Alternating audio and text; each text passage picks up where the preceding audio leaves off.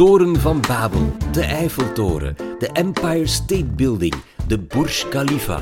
De mens heeft altijd een beetje grootheidswaanzin gehad als het op bouwen aankomt.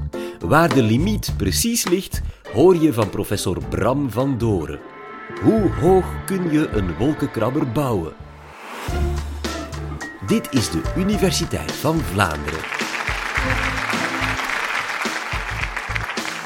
828 meter. Zo hoog is de Burj Khalifa in Dubai. Dat is vandaag de dag de hoogste wolkenkrabber ter wereld. Kunnen we hoger bouwen? Ja, dat kunnen we. Maar willen we dat ook? En is dat gemakkelijk? Nee, natuurlijk is dat niet gemakkelijk. Moet u inbeelden, zo'n heel hoog gebouw dat wordt blootgesteld aan enorm veel enorm hoge krachten. En eigenlijk is het bouwen van een heel hoge toren niks anders dan continu een strijd tegen de elementen. De zwaartekracht die wil trekken aan dat gebouw, de wind die inbeukt tegen een gebouw en het gebouw wil laten omvallen. Dus het is helemaal niet evident om heel hoog te gaan bouwen. De essentie eigenlijk bij het overwinnen van die strijd tegen de elementen is het vinden van een evenwicht. Een evenwicht tussen de krachten die aangrijpen op het gebouw en op een of andere manier via de draagstructuur van dat gebouw naar de fundering moeten worden geleid. En de reactie die kan worden geboden, de weerstand tegen die krachten. Actie versus reactie. Is die balans er niet, is dat evenwicht er niet tussen de krachten en de weerstand, tussen actie en reactie, dan krijgen we scheuren in het gebouw, of nog erger, het gebouw stort in. En dat is eigenlijk iets wat ik als klein manneken al wist, toen ik met Lego hoge torens bouwde. Heel fier op mijn toren, maar dan kwam mijn broer binnen met zijn voetbal, die dan per ongeluk tegen mijn Lego-toren opkwam. En dan stortte mijn toren op de grond. Geen evenwicht meer. Actie versus reactie. Natuurlijk, bij levensechte gebouwen, bij hoge wolkenkrabbers, spreken we over veel grotere krachten dan die impact van de kracht van een voetbal. In de eerste plaats denken we bijvoorbeeld aan de zwaartekracht. En hoe hoger we gaan bouwen, hoe groter het gewicht zal zijn dat op de fundering en op de onderste verdieping zal terechtkomen. Eigenlijk, de onderste verdieping draagt natuurlijk het volledige gewicht van het hele gebouw. En het principe dat wij daarbij gaan hanteren om die zwaartekracht te gaan overwinnen, is het spreiden van de krachten. We gaan eigenlijk het grondoppervlak van het gebouw groter maken, zodat die kracht gedeeld door dat oppervlak, dat noemen we dan in sterkleertermen de spanning, dat die zo laag mogelijk blijft. En dat is eigenlijk een basisprincipe dat ook de Egyptenaren al wisten bij de bouw van hun piramides. Want piramides zijn natuurlijk breed aan de basis en smal aan de top. Nu, er is wel een nadeel met dat principe, en zeker als we kijken naar piramides. Die zijn natuurlijk vol. Er zitten eigenlijk geen nuttige ruimtes in. Dus willen we een wolkenkrabber gaan bouwen, moeten we op een of andere manier ruimtes kunnen creëren in zo'n hoog gebouw. We gaan als het ware ruimtes overspannen. En door de jaren heen hebben we daarvoor technieken ontwikkeld om die ruimtes te gaan overspannen. We denken hierbij aan bogen, aan koepels Bijvoorbeeld bij Romaanse kerken zien we dat. Daar gaan we eigenlijk op een heel intelligente manier die krachten gaan afleiden naar de steunmuren. Nu, daar hadden we nog eigenlijk relatief beperkte ruimtes, redelijk donker qua interieur. We hebben dan gezien bij de gotische kathedralen dat we op een nog meer intelligente manier die krachten via luchtbogen zijn gaan afleiden naar de steunberen. En nog later zijn we balken gaan gebruiken in gebouwen om nog grotere overspanningen te gaan krijgen. Denk maar aan stalen legers, betonbalken. We kunnen daar 50 meter en nog meer uh, gaan overspannen. Nu, we gaan dus hoger en hoger bouwen en we krijgen eigenlijk meer en meer holtes als het ware in het gebouw. Dus die krachten, wat we moeten gaan afleiden ten gevolge van de zwaartekracht naar de fundering, ja, die gaan eigenlijk geconcentreerder en geconcentreerder op die draagstructuur inwerken. Concreet wil dat zeggen dat de bouwmaterialen die we voor die draagstructuur gebruiken, zoals staal en beton, dat die hogere krachten krijgen te verduren. Nu, is dat een probleem? Nee, eigenlijk niet. Want vandaag de dag hebben we nieuwe materialen ontwikkeld, zoals wat wij noemen ultrahoge sterktebeton, die best heel hoge krachten aan kan. We gaan daar eigenlijk op microniveau, op nanoniveau, gaan we dat beton optimaliseren, zodat we op structurele schaal heel hoog en heel sterk kunnen gaan bouwen. Dus ja, we hebben eigenlijk technieken en materialen gemaakt en ontwikkeld de laatste jaren, de laatste decennia, om die zwaartekracht te gaan overwinnen. Nu, uiteraard, er zijn nog andere krachten die gaan inspelen op zo'n hoge wolkenkrabber. Denk maar aan de wind bijvoorbeeld. Dat wist ik ook als klein manneke. Als ik met mijn Lego-toren naar buiten kwam, dan viel die om als het een beetje waaide. Dus die wind moeten we ook gaan overwinnen. En wind is hoofdzakelijk een horizontale kracht die gaat inspelen op het gebouw. Opnieuw geldt daar het principe, we gaan de toren eigenlijk zo breed mogelijk maken aan zijn basis. En dat is exact wat we ook bij die Burj Khalifa hebben gezien. We gaan daar eigenlijk met steunberen opnieuw aan de basis de basis verbreden, zodat die horizontale windkracht dat die kan gespreid worden naar de fundering toe.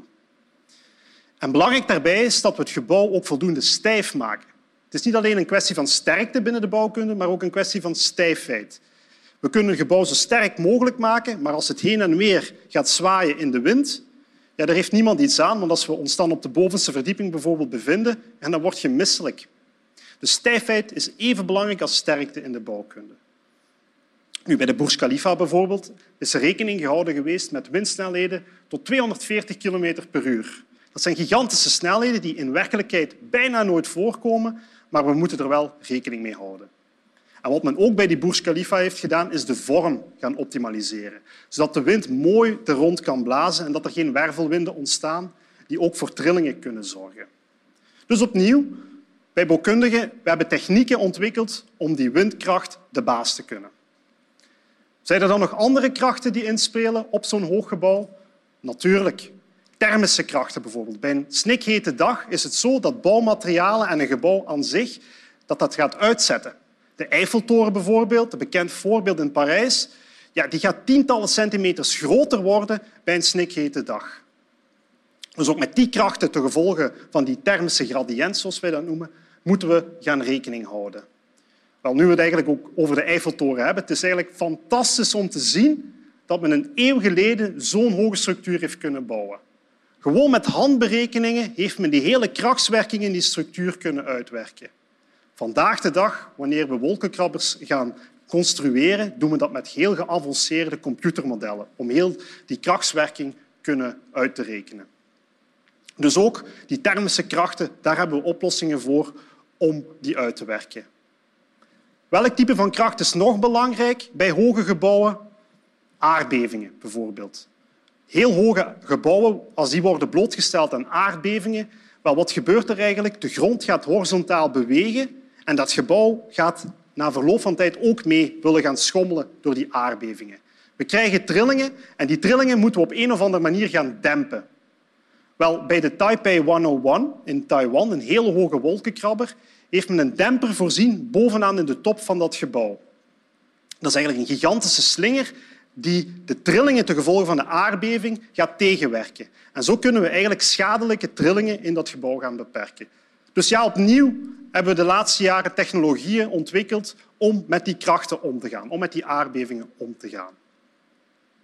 Dus als u mij de vraag stelt hoe hoog kunnen we een wolkenkrammer bouwen, dan kan ik zeggen kilometers hoog met de technieken en bouwmaterialen die we vandaag de dag hebben ontwikkeld. Er zijn zelfs ooit plannen geweest van zo'n gigantische structuur van vier kilometer hoog. Dat was de Exceed 4000 in Japan. Nu, dat is bij plannen gebleven en die basis zou daar zes kilometer breed moeten zijn geweest. Zes kilometer breed. En dan komen we eigenlijk bij al die andere aspecten die een effectieve limiet zullen leggen op hoe hoog we effectief gaan bouwen. Zes kilometer breed, dat wil zeggen dat in de kern van dat gebouw dat er nooit daglicht zal komen. Het is daar altijd donker en we gaan beroep moeten doen op kunstlicht. En naar comfort toe van de gebruikers is dat natuurlijk iets wat we niet wensen. Er zijn nog andere redenen waarom we niet zo hoog kunnen bouwen. Denk maar aan veiligheid. Wat als er brand uitbreekt? Hoe krijgen we het bluswater boven? Hoe krijgen we de mensen geëvacueerd? En ook gewoon het transport van mensen in de hoogte, kilometers hoog. Wel, we kunnen geen klassieke lift gaan gebruiken, omdat vanaf een kilometer de kabel van de lift zijn eigen gewicht dan niet meer kan dragen. En dan zou die knappen. Nu, er bestaan nieuwe technologieën voor liften op basis van magneten enzovoort om toch hoger te kunnen reiken. Wat is nog een aspect? De klimatologische aspecten bijvoorbeeld. Bij een wolkenkrabber van kilometers hoog wel, is er een luchtdrukverschil waar we rekening mee moeten houden. Het zuurstofniveau daar heel boven is ook veel lager dan op de begane grond. Dat zijn allemaal aspecten die bouwen in de hoogte toch wel erg moeilijk maken. Maar natuurlijk, het belangrijkste aspect van allemaal is de kostprijs. De prijs gaat exponentieel omhoog, want we gaan niet alleen in de hoogte moeten bouwen, maar ook in de breedte bouwen. Dus als conclusie, hoe hoog kunnen we een wolkenkrabber bouwen? Kilometers hoog, louter gekeken vanuit het sterkteleerperspectief en de draagstructuur. Maar of we dan nog een comfortabel en betaalbaar gebouw hebben, dat is de echte vraag. Gebouwen van 10 kilometer hoog, dat spreekt tot de verbeelding, nietwaar? Als je meer wil weten over bouwkunst, luister dan zeker naar podcast nummer 176 met de Gentse ingenieur Dr. Didier Snoek over hoe je een brug bouwt die nooit instort. Tot volgende keer.